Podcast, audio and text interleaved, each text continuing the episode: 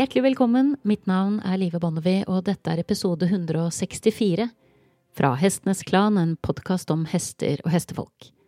Det som har slått meg i de årene jeg har drevet med denne podkasten, det er at det er én ting som veldig mange av gjestene har felles. Og det er en tidlig fascinasjon for hester og en sterk dragning mot å tilbringe tid sammen med dem. Og dagens gjest er intet unntak. Veterinæren Elin Hernlund har i likhet med Filip Braganza, som var gjest i forrige uke, en doktorgrad i biomekanikk. Og hun er også en av grunnleggerne av Sleip-appen, som i dag brukes til halvthetsutredninger. Vi kommer til å komme i befatning med noen av de samme temaene som jeg snakket med Filip om i forrige episode, men jeg har invitert Elin for å få mulighet til å dykke dypere ned i hva AI kan komme til å få å si for hestenes helse og velferd i årene som kommer.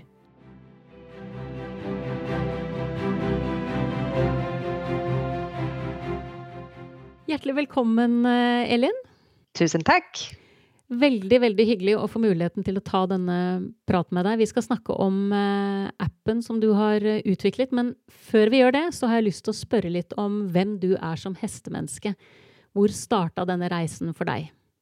Ja, men för mig började kärleken till hästar väldigt tidigt i livet. Egentligen kärlek till djur väldigt generellt och det delar jag väldigt starkt med min pappa som är en stor djurälskare.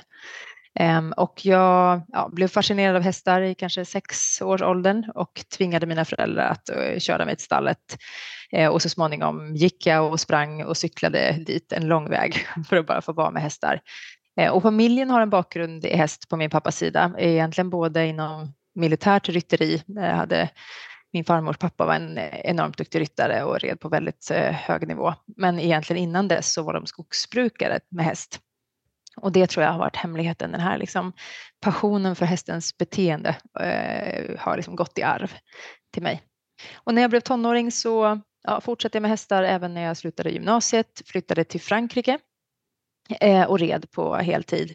Eh, och då gick jag egentligen ifrån att ha ridit svensk eh, tävlingsdressyr till eh, att jag egentligen per slump hamnade på en gård eh, hos en gammal dressyrlegend som höll på med klassisk dressyr som egentligen härstammar mycket från den portugisiska ridskolan och eh, gammal, ja, ungefär som akademisk ridning som börjar bli ganska stort i Sverige idag.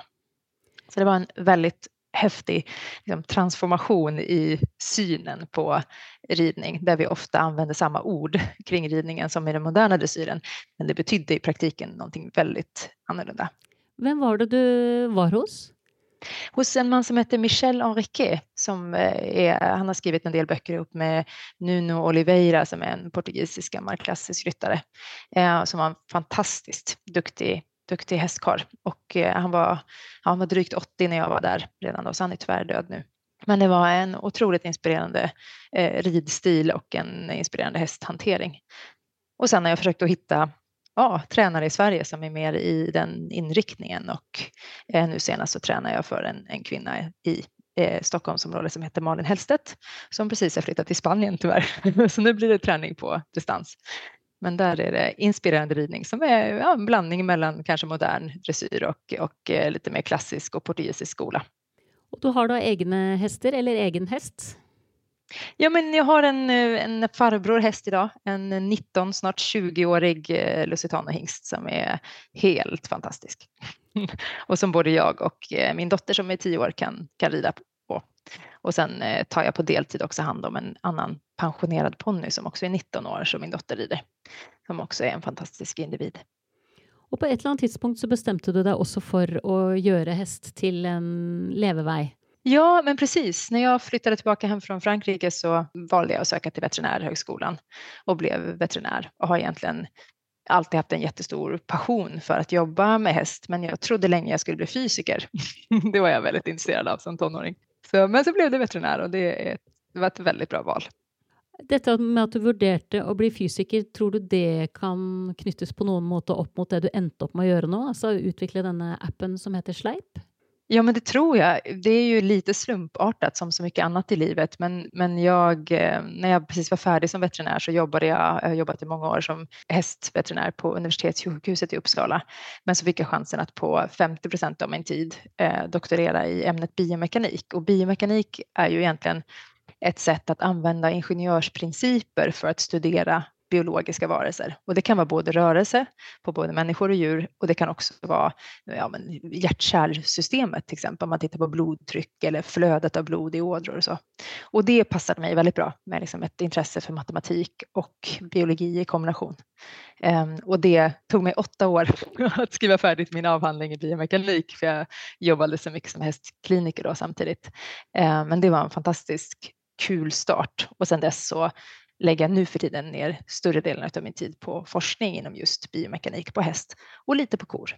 Så fortell denna eh, appen som på en måte är själva eh, selve kjernen och grunden till att jag har eh, tagit kontakt med dig. Är det så att fokuset på detta med halthet hos häst har varit stor hos dig hela vägen? Från början ville jag bli internmedicinare. det tyckte jag var otroligt spännande. Är det det vi kallar eh, inre medicin på norsk? Inre medicin, mm, ja, ja, visst. Där tyckte jag att det var så otroligt mycket spännande diagnostik och eh, halthetsdiagnostiken var lite komplicerad för mig egentligen, för det är väldigt svårt att avkoda en häströrelsemönster. Och jag kände nog egentligen att även om jag hade tittat på hästar som rör sig inom dressyren i väldigt många år och hade mycket med mig eh, kring det, så kunde jag liksom inte riktigt få ihop det man skulle titta på när man tittar på en halt häst och det jag tittar på när jag tittar på en häst ur ett kvalitativt rörelseperspektiv, alltså hur den egentligen arbetar i dressyr. Så det var ju just att jag doktorerade inom biomekanik som gjorde att jag sen också kliniskt blev tvungen att jobba med halta hästar.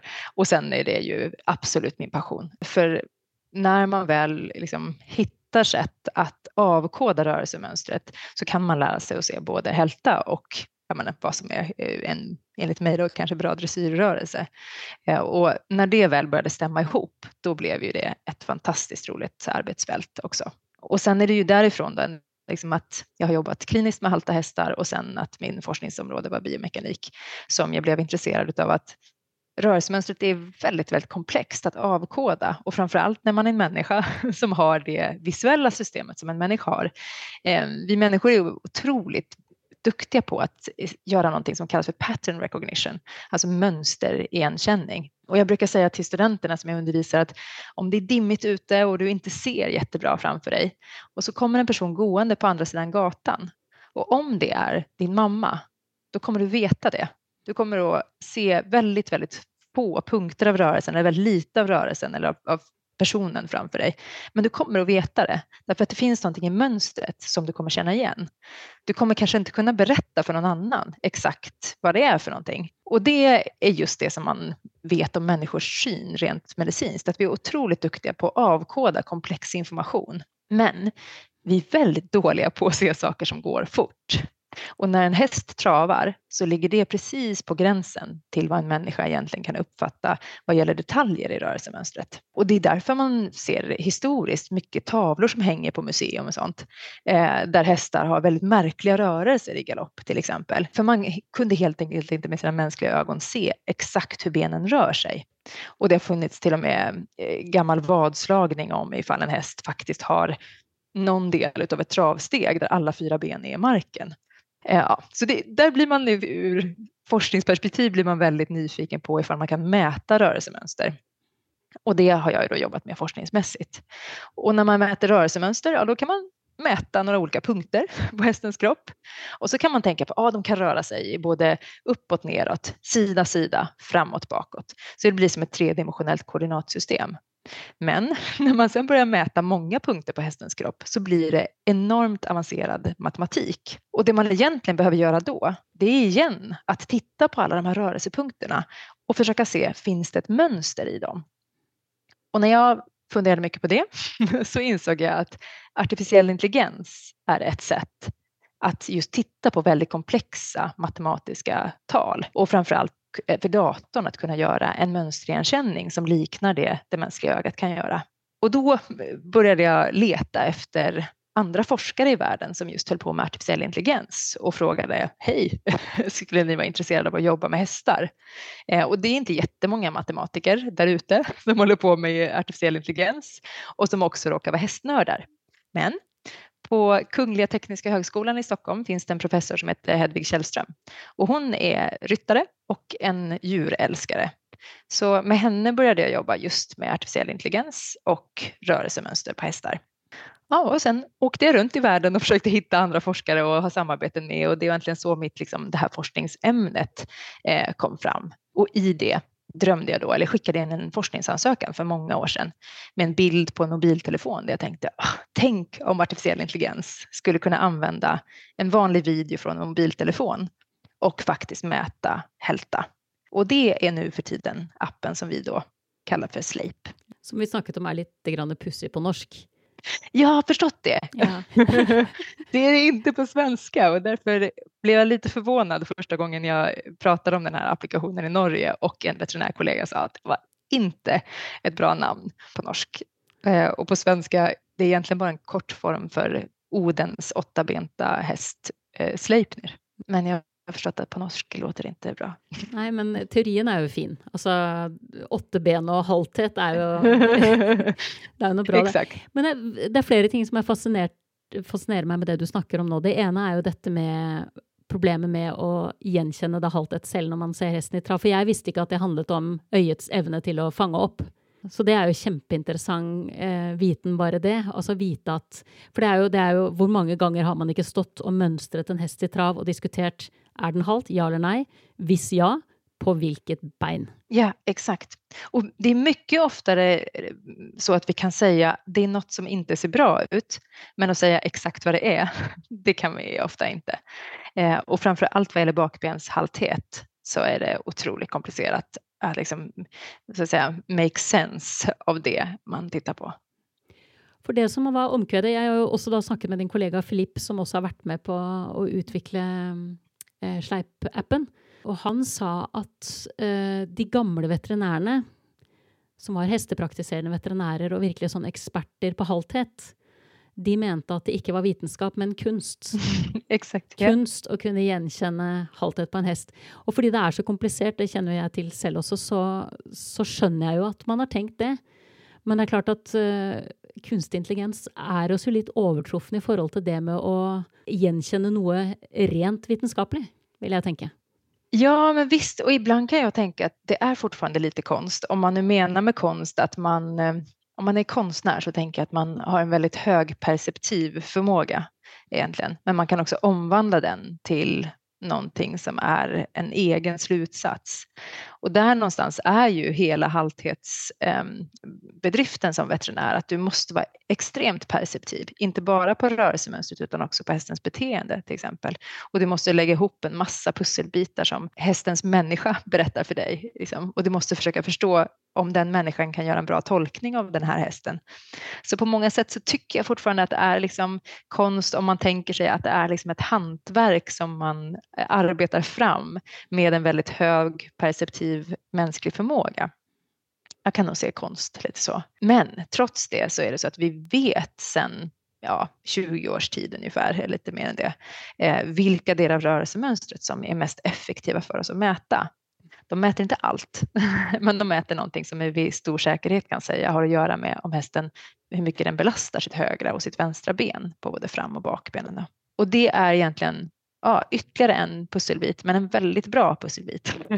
en som du kan vara väldigt trygg med och väldigt säker på och, och stola på egentligen.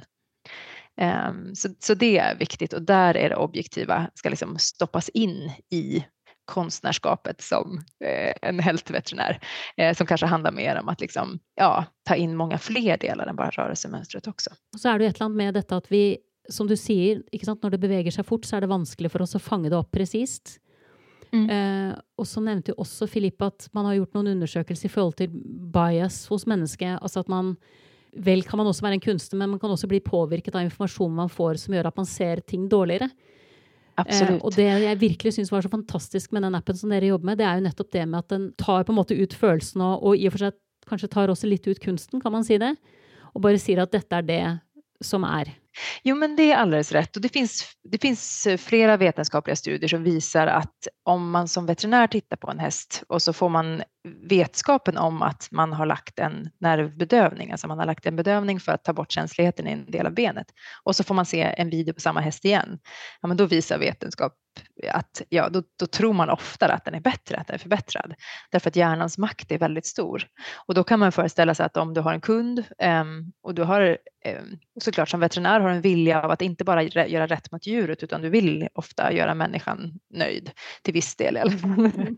Eh, och så tycker den här kunden, den här människan till hästen att eh, det här är det som är felet. Ja, då är det väldigt lätt att, att man tror det själv därför att påverkan på ens egen hjärna är så stor.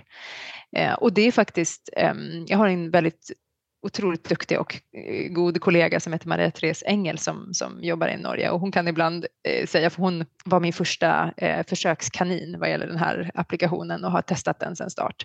Och då säger hon ibland att ibland är den viktigaste effekten jag kan få från den här applikationen som visar på en mätning, det är att jag faktiskt kan övertyga en del djurägare om att det jag ser eh, också finns mätmässigt när vi liksom tycker olika saker eller man tolkar det på olika sätt. Så det blir liksom ett, en support och en hjälp. Så AI tittar på rörelsemönstret på ett sätt som vi vet är det sättet som vi brukar mäta hälta på.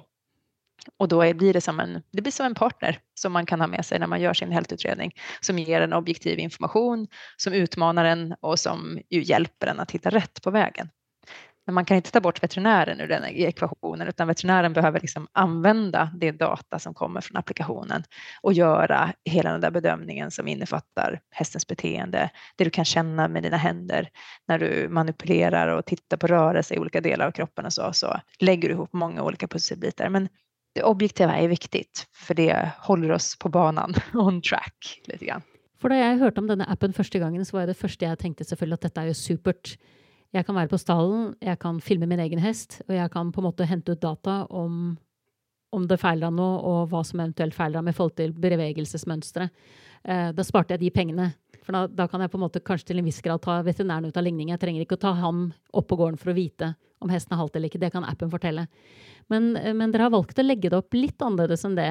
Eh, nettopp som du sier, dere har ikke tatt veterinären ut av ligningen. Kan du si lite om det? Ja, eh, egentligen från början för mig startade det med liksom att utforska teknologin och se ifall AI kunde bli så bra på bildigenkänning av hästar så att man kunde mäta rörelsemönstret med bra precision. Men jag trodde nog när vi började med det här, jag och den ingenjören som började jobba med det här tillsammans, att det kanske inte skulle bli tillräckligt precis för att man skulle kunna använda det till eh, hälsoutredningar eller för en veterinär, utan kanske tänkte jag som du att en, ja, men en djurägare kan stå hemma och följa sin häst över tid och sådär. Sen visade det sig att AI har gjort en explosionsartad utveckling plus att kameran i en mobiltelefon idag är otroligt Eh, stark och precis som processorn i en mobiltelefon. Så att det du håller i handen när du har en, en modern iPhone, det är ju en bättre dator än den som tog människan till månen. så att det är ju otroligt vad tekniken bjuder på. Och det har gjort att när vi har validerat tekniken så ser vi att det är ju mindre än två millimeters skillnad i vad den mäter i rörelsen jämfört med ett, ett system som kostar många hundratusen svenska kronor. Så, sånt här som mäter så motion capture system som man använder för att göra animeringar på film och sådana saker. Ehm, så den är ju väldigt precis och det gjorde ju att yes, vi kan ge den som ett verktyg till en veterinär. Ehm, och det som är viktigt för mig då som är veterinär, det är ju just att eh, veterinären måste tolka data, alltså måste tolka rörelsemönstret. Så ah, vad som är sjukt och vad som är friskt, det är väldigt svårt att säga ofta och där måste man komma tillbaka till en, en, en erfarenhet av att just avkoda rörelsemönstret. Så idag är det så det fungerar att veterinären använder applikationen i sitt jobb för att få hjälp under hälsodiagnostiken. Men sen kan veterinären bjuda in en djurägare till sin egen telefon där djurägaren då kan, precis som du vill, eh, stå hemma på sin stallplan och filma sin egen häst, skicka data till veterinären och få hjälp med tolkning. Eh, det vi inte har velat göra än så länge det är att liksom låta folk bara mäta därför att vi känner att man måste veta vad man ska göra med informationen. Och de allra första försökskaninerna som jag eh, hade och som testade och som var djurägare och inte veterinärer. Det är väldigt lätt att man blir väldigt rädd för att man ser att min häst är ju inte symmetrisk i sitt rörelsemönster och min häst är halt. Och då blir man väldigt orolig och så vill alla skicka sin häst till veterinären. Och det tror jag inte heller är bra. Utan det vi måste göra är att förstå att rörelsemönstret på de allra flesta hästar det är inte perfekt symmetriskt. En del av de hästarna har ett problem som vi ännu inte har upptäckt. Men en del av de hästarna de mår bäst av att fortsätta att tränas. Och det är forskning som är gjord bland annat av min kollega Marie Rodin på Sveriges lantbruksuniversitet. Eh, när de här första systemen för att mäta hälta kom som egentligen bestod av små lådor. Så man har en liten låda med en accelerometer eller flera accelerometrar i och klistrar på den på hästen. Och så mäter man rörelsemönstret med hjälp av den. Då var hon eh, klipsk nog att tänka, men hur ser det ut då om man går ut och bara mäter hästar? Vi visste att det var användbart för en veterinär på en klinik. Eh, men hur ser den vanliga hästen ut? Så hon mätte mer än 200 ridhästar där ryttaren tyckte att hästen fungerade bra. Man hade inga problem, hästen var i träning och tävling och man sökte inte veterinärvård för hälta. Och då visade det sig att i hennes studie mer än 73 procent av de hästarna har en asymmetri som om den hade kommit till en veterinär sannolikt hade bedömts vara en låggradig hälta. Så det har ju verkligen ställt oss enormt mycket frågor kring vad är friskt, vad är sjukt, var går gränsen mellan ett friskt och ett sjukt rörelsemönster? Eh, och den nyckeln har vi fortfarande inte än. Eh, vi vet att många hästar är asymmetriska, men de kan fungera väldigt bra i träning. Vi vet också att en del hästar har inte ett asymmetriskt rörelsemönster, men de kan ändå ha problem, till exempel från nacke eller rygg eller bäcken och så. Så det är ju ganska komplexa frågor och för att man inte ska liksom få panik över de här data när man ser att ens häst är asymmetrisk så är det idag någon, en tolkning som en veterinär ska göra. Eh, I framtiden är det klart vi drömmer om att vi ska kunna ge alla djurägare en applikation där man kan följa sin häst över tid.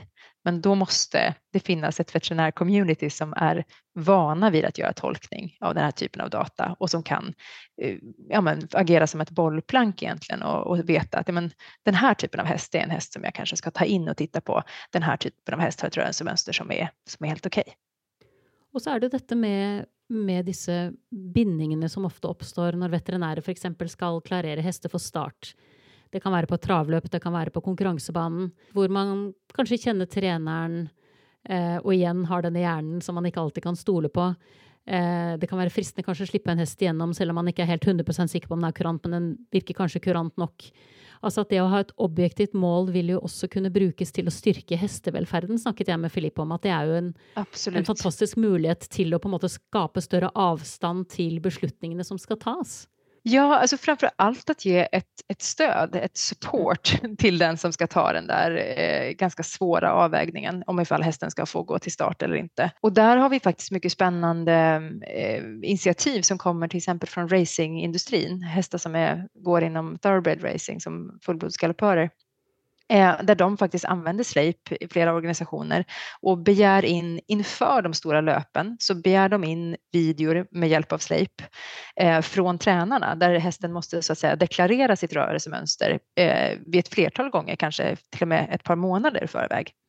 Och det är väldigt spännande för där ser vi också att ja, men även om en häst har en viss asymmetri när man tittar på den så är det otroligt kliniskt viktigt för en veterinär att veta om det är något som blir, försämras vid högre grad av träningsintensitet. Och har man en häst som ligger väldigt stabilt i sitt rörelsemönster, det kanske är lite off, men det ligger väldigt stabilt och när den tränar mycket så förändras det inte alls. Eller det kanske till och med blir bättre av träning. Ja, men då kan man känna sig ganska trygg med att det här är sannolikt ett rörelsemönster som fungerar bra för den här hästen. Medan de hästar man ser där rörelseasymmetrin den höjs så fort hästens träningsintensitet går upp, ja då vet vi att ja, det här är en häst som vi måste hålla koll på och som då kanske inte ska få komma till ett stort löp eh, och, och starta på en stor tävling som är väldigt ansträngande för en. Så det är ju mycket det som händer inom racingindustrin och sen finns det liknande eh, initiativ även från eh, den stora internationella ridsportorganisationen där de är intresserade av att se hur de kan använda objektiva mått för att stötta veterinärerna som, som är deras officiella representanter. Och där hamnar man igen då i liksom var, var går gränsen mellan friskt och sjukt om man bara ser en häst en gång egentligen. Så det är mycket som vi försöker, vi försöker lära oss tillsammans med de här organisationerna. Och det som jag tycker är väldigt eh, hoppgivande det är att FI, då, den stora internationella ridsportorganisationen, möjligen är de lite oroliga för hur ryttarna, hur atleterna ska ställa sig till det här. Men å andra sidan blir jag kontaktad av många som är just atleter som Dressage Trainers Club som är en internationell klubb, klubb för dressyrtränare. De vill att tekniken ska användas i besiktningen för tävling därför att de tycker att det ger en trygghet och en fairness. Det blir inte så mycket upp till den här subjektiva bedömningen som, som du pratar om, den här hjärnan som lätt kan påverkas av vilken häst det är och vilken ryttare det är. Så det är en spännande tid framöver och för mig är det ju stora motivationen i det här ligger ju att kunna upptäcka hälta tidigt så att hästar kommer till behandling eller till kanske modifierad träning om det är det de behöver göra. Det behöver inte alltid inkludera en medicin eller en spruta i en led, men att man tar hand om eller uppmärksammar problematik i tid. Eh, och såklart att man inte ska tävla på hästar som, som är halta helt enkelt. Hästar som ska in i tävling, de ska vara friska och, och atletiska i sin, i sin standard, i sin status. Kan du fortelle meg hvordan denne appen virker? Altså jeg som hesteeier, jeg, jeg løfter mobilen og, och siktar mot hästen, men vad sker? Ja, antingen är det du som hästägare eller så är det veterinären som tar upp sin, sin smartphone och eh, riktar den mot hästen och filmar hästen. Och det gör man via själva applikationen, så videon hämtas in via applikationen. Och sen eh, skickas data upp i ett moln där då den här eh, konstiga intelligensen, den artificiella intelligensen, den hittar en häst i bilden. Så den sätter som en liten ram runt hästen och säger hej, här är en häst. Och så säger den, ja, vad gör den här hästen? Ja, den springer bort ifrån mig och sen vänder den och så springer den tillbaka eller den springer på en cirkel till vänster eller till höger. Så det kommer den konstiga intelligensen att bestämma eller berätta för, för datorn eller vad som, vad som händer. Och på så sätt kan vi klassificera datat också och berätta att det här är rörelsemönstret på en cirkel till exempel.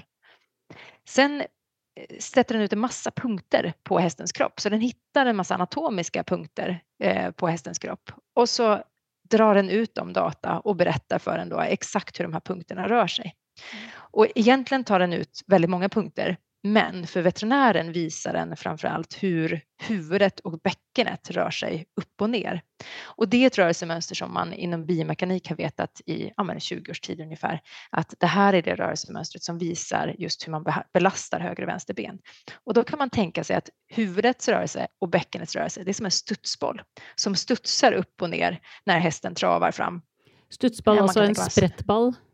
En sprättboll, ja mm. men så. Eller som en sån här pogo stick, vad kan det heta? Att man studsar, som en, man trycker upp en fjäder och så studsar man sig upp igen. Ja, en hoppestock. Så, Ja men exakt och det kallas eh, teoretiskt för en spring mass model of running. Alltså så att man tänker att man har en masseklump och så har man en, en, en metallfjäder därunder. Så mäter man då rörelsemönstret från huvudet och bäckenet och tittar på hur det sjunker ner och hur det skjuter upp. Och i det kan vi då hitta hur vänster och höger ben antingen fram eller bakben då, belastas gentemot det andra benparet. Så egentligen, vad händer under belastningsfasen? När benet tar emot belastningen och vad händer under frånskjutsfasen? När benet skjuter ifrån från marken och skjuter upp den här eh, studsbollen då, eller den här massan igen. Så det är det rörelsemönstret som appen tar ut och presenterar i massa olika grafer för veterinären och säger ja, på just den här hästen så har vänster bakben ett sämre frånskjut i och kan man se då exakt i alla steg eller i några av stegen och hur mycket det är. Så det är ett sätt att kvantifiera just en typ av rörelsemönster som vi vet är viktigt för att säga hur hästen belastar vänster och högerben. Det är fantastiskt att ni har eh, uh, utvecklat detta verktyg då, som du säger med bruk av mobiltelefonen så att tröskeln för att faktiskt ta det i bruk blir så pass lav. Då. Ikke sant? Istedenfor at man da drar til en og en halv hvor det er ikke sant, kameraer i taket, og som du sier, alle disse sensorene skal kobles på, det er, liksom, det er et stort apparat som skal til, så kan du på en måte gjøre noe du har gjort en million ganger før, nemlig filme din egen hest i bevegelse. Och hämta ut information der. Så det är jo väldigt, jeg syns det er veldig snedig tenkt. Ja, och det är ju tekniken som har gjort det här möjligt just nu. Det är bara en god timing. Jag menar, idén är inte unik på något sätt, utan det är bara en god timing eh, liksom, i tiden när det här plötsligt har blivit möjligt. Ehm, och faktiskt, vi har en gammal professor i funktionell anatomi ehm, som jobbade på min institution för många år sedan som heter Ingvar Fredriksson. Och redan på 70-talet drömde han om att använda video för att kunna göra hältanalys. Det är bara att på den tiden så kostade en höghastighetskamera, eh, den kostade enormt mycket pengar eh, och man fick sitta för hand på varenda bild och liksom markera för hand eh, olika punkter på hästens kropp för att kunna göra en mätning. Så det blev ju helt omöjligt på den tiden att använda den. Eh, och då brukar jag skratta åt det. Jag hade bara exakt samma idé, men tillräckligt många år senare för att det skulle vara så att tekniken var mogen. Det fanns artificiell intelligens som kunde istället placera ut de här anatomiska punkterna på en hästs kropp och det fanns helt plötsligt en billig kamera som fanns i, bara i en smartphone. Så det är ju tiden som har gjort det här möjligt, men det är otroligt roligt för oss för vi eh, har ju en, får en teknisk möjlighet att hjälpa väldigt många hästar. Och man har ju känt mycket i vårat, eh, vi som är biomekaniker och hästveterinärer har känt att oh, varför vill folk inte använda de här hältmätningssystemen? Att det inte är så jobbigt att sätta på en sensor och så. Men livet för en veterinär idag är väldigt, väldigt pressat. Man jobbar väldigt många timmar. Man har väldigt lite tid, man har mycket press ifrån kunden, eh, från hästens ägare. Eh, och egentligen är man ju egentligen in it for the horse. det är motivationen hos de som är hästveterinärer, det är ju hästens välfärd och hästens hälsa. Och då är det många som känner sig väldigt klämda i den situationen. Det är ett ganska psykiskt stressande jobb. Och då att dessutom lägga på ännu mer krav på att du ska montera utrustning på varje häst och du ska förklara för din kund varför de behöver betala ganska mycket extra för att ha köpt den här utrustningen för mycket pengar. Det har ju varit mycket svårare än vad man har tänkt. Eh, och därför tror jag att den här tillgängliga tekniken som gör att priset blir mycket lägre och att insamlingen av datat blir så enkelt, den har gjort en jättestor skillnad. Så det var inte det att de inte ville mäta hälta och inte ville använda objektiva data, utan det var helt enkelt lite för komplicerat för. Så god, god timing, rett og slett. Altså, det er jo som du sier, jeg jobber jo i filmbranschen ved siden av podkastingen. Der ser vi også kunstig intelligens eh, har tatt en enorm, altså kommet enormt opp i hastighet veldig, veldig fort. Så men, ja, man kan bruke den både til positive ting og til mindre positive ting, men det her er jo Jeg tenker dette blir et, som du sier, det at man kan også måle den Måle hesten mer enn den ene gangen. Ikke sant? At man kan sette det inn i et system som stiller krav til hvordan hesten skal ha det mellom tevlinger også. Det er jo så veldig tydelig at dette her blir et godt grep for å, for å kunne bedre hestenes velferd. Ja, och det, idag finns det så enormt mycket ambitiösa hästägare där ute. Det är otroligt eh, roligt att vara hästveterinär nu för tiden, för det finns väldigt många välinformerade hästägare som är hungriga på information. Eh, och jag är övertygad om att om de visste att de kunde ha ett par extra ögon på sin häst som eh, visserligen är artificiella ögon då, att det är konstig intelligens som, som ligger bakom det. Eh, men då tror jag att de skulle vilja det, få den extra, den extra feedbacken. Så vi ska lära oss lite mer om hur vi tolkar det här datat. Vi ska skapa ett nätverk med veterinärer som kan ta hand om och bedöma det här datat på ett bra sätt. Och sen är det klart att alla ambitiösa hästägare ska kunna filma sin häst med artificiell intelligens och få feedback om hur deras träning ger effekt på hästen eh, och på hästens eh, rörelsemönster. Det är min dröm. Det är himla intressant, eh, Elin. Ja, och det är så fint att folk har så mycket vilja. Man tror ofta att det kanske inte finns, att viljan inte finns där, men när man ger nyfikna människor verktyg så är det väldigt många som vill använda dem och som vill veta mer. Ibland tror jag debatten kring hästar och hästars välfärd, det kan låta som att vissa människor inte vill hästarna väl och jag tror att de allra flesta vill hästarna väl. Men att man har lite olika kunskap, olika förmåga, man kommer från olika tradition.